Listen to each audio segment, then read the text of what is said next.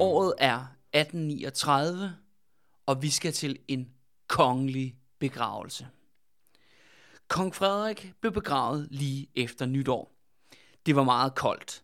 Officererne, der skulle følge livvognen til Roskilde, havde stoppet sig ud med pelsværk og tøj, så de var ved at gå til af den stærke varme i salen på Amalienborg, hvor livet stod på parade.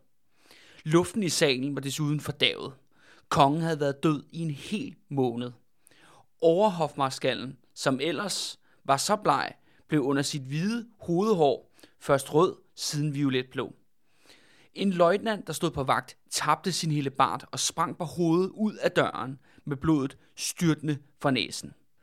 En admiral kæmpede sig voldsomt og råbende igennem mængden af mennesker hen til døren. Udenfor, i den skrigende frost og den stive blæst, fik de ledsagende officerer tid til at styrke sig med håndfulde af pebermyntekager, og kisten blev båret ud, og nu satte livvognen afsted. Der var spændt otte heste for den, og den kørte i stærk fart igennem gaderne og ud af Vesterport. Følget måtte hestblæste jage efter den i den stærke kulde. En gammel flådeofficer indhentede den først, der blev gjort holdt uden for byen. Han kravlede op på livvognen og hvilte sig sammensunken med hovedet på brystet op ad kisten, men han døde snart efter af et hjerteslag og blev bragt ind i en barberforretning. Da livvognen nåede frihedsstøtten, blev den mødt af en større folkemængde, der var i en meget vred og ophidset stemning. Her uden for byen havde den egentlige pøbel samlet sig. Folkestemlen blev større og større. Hoben trængte sig sammen om livvognen og følget. Højrystet, larmende, hudende og grinende af fuld hals. De fulgte efter livvognen. Den satte yderligere farten op, men den store masse af mennesker fulgte løbende efter ind på fortovene. Der var stor larm og meget tumult. Vinduesskøjer blev revet løs og voldsomt smækket til igen. De opstillede soldater var placeret med for stor mellemrum og kunne ikke holde pøbelen inden på fortovene. Nogle af de voldsomste havde brændende fakler i hænderne og kom truende nær livvognen.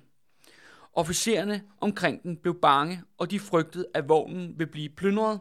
De ville til at trække deres kår for at forsvare vognen og sig selv. Men nu var der en af officererne, der tog sin sabel ved spidsen og sprang ind på en høj mand, der med en fakkel i hånden var anfører for en skare af forfølgerne. Officeren rev faklen ud af hånden på manden og gav ham nogle hårde slag i hovedet med skiftet af sablen. Dette fik mængden til for nogle øjeblikke at vi tilbage, men de fulgte stadig efter, og da livvognen nåede Frederiksberg Slot, trængte de sammen om den igen. Her skulle følget skifte til vogn for at køre til Roskilde. Mængden hudede og larmede af livet, livvognen og det fornemme følge, og bombarderede det hele med snebolde. Herude ventede den nye konge for at slutte sig til, og man blev alvorligt bange for, at der skulle ske overgreb på hans person. Mens Christian den 8. ventede, gik en general ud for at forhandle med mængden. Generalen sagde, at den nye konge ikke havde bragt en stærk vagt soldater politi med sig på dette sted, fordi han havde stolet på folkets gode ånd og sans for det sømmelige. Det lykkedes generalen dæmpe den værste uro ned, og ligetoget kunne slippe afsted mod Roskilde.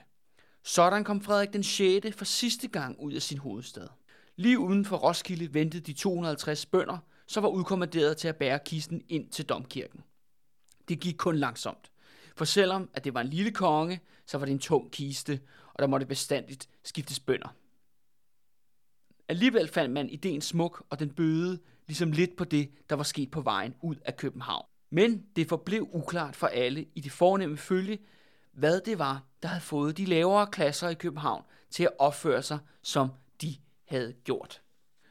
Og det kunne være, at mens bønderne bar den lille konge i den store kiste, at de har visket til hinanden, hvordan kunne den røde fjer blive så tung.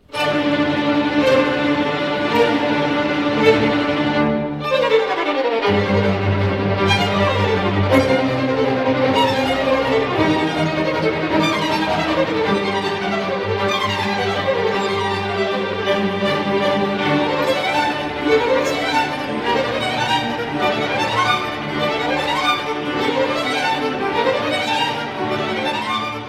Den døde Frederik havde fortjent pøblens had.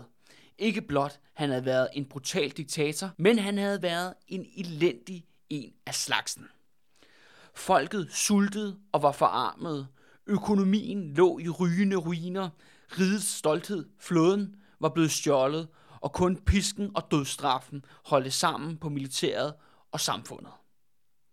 Men det værste var, at han havde mistet halvdelen af imperiet. Og mange ville sige den bedste halvdel, nemlig Norge i 1814. Yderligere var Frederik den ynkelige afslutning på Christian den 3.s hus. En mental og fysisk handicappet person, et produkt af generationer af incest i kongefamilien. Og inden at Frederik forlod denne verden, der vidste han, at hans slægt og kongelige linje var gået til grunde med ham. For han overlod de sørgelige rester af sit kongerige til stalmesterens bastardunge, ham vi kender som Christian den 8. Hvordan havde Frederik formået at bringe et globalt imperium til sin undergang på blot 30 år?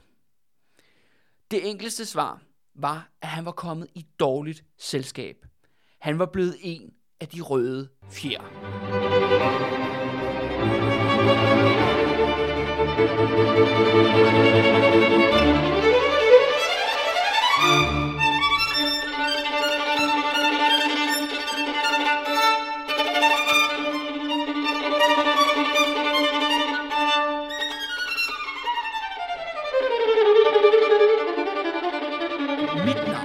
Kalle Kylmand, og du lytter til De Røde Fjer med historien om den røde fjer, Frederik den 6. og hans mænd. Det her det er historien om krig, slaveri, kriminalitet, oprør, incest, revolution og ikke mindst grådighed. Det her er historien om, hvordan de røde fjer smadrer et globalt imperium på grund af hovmod og jagten på profit. Det her er historien om, hvordan imperiet Danmark-Norge mødte sin undergang.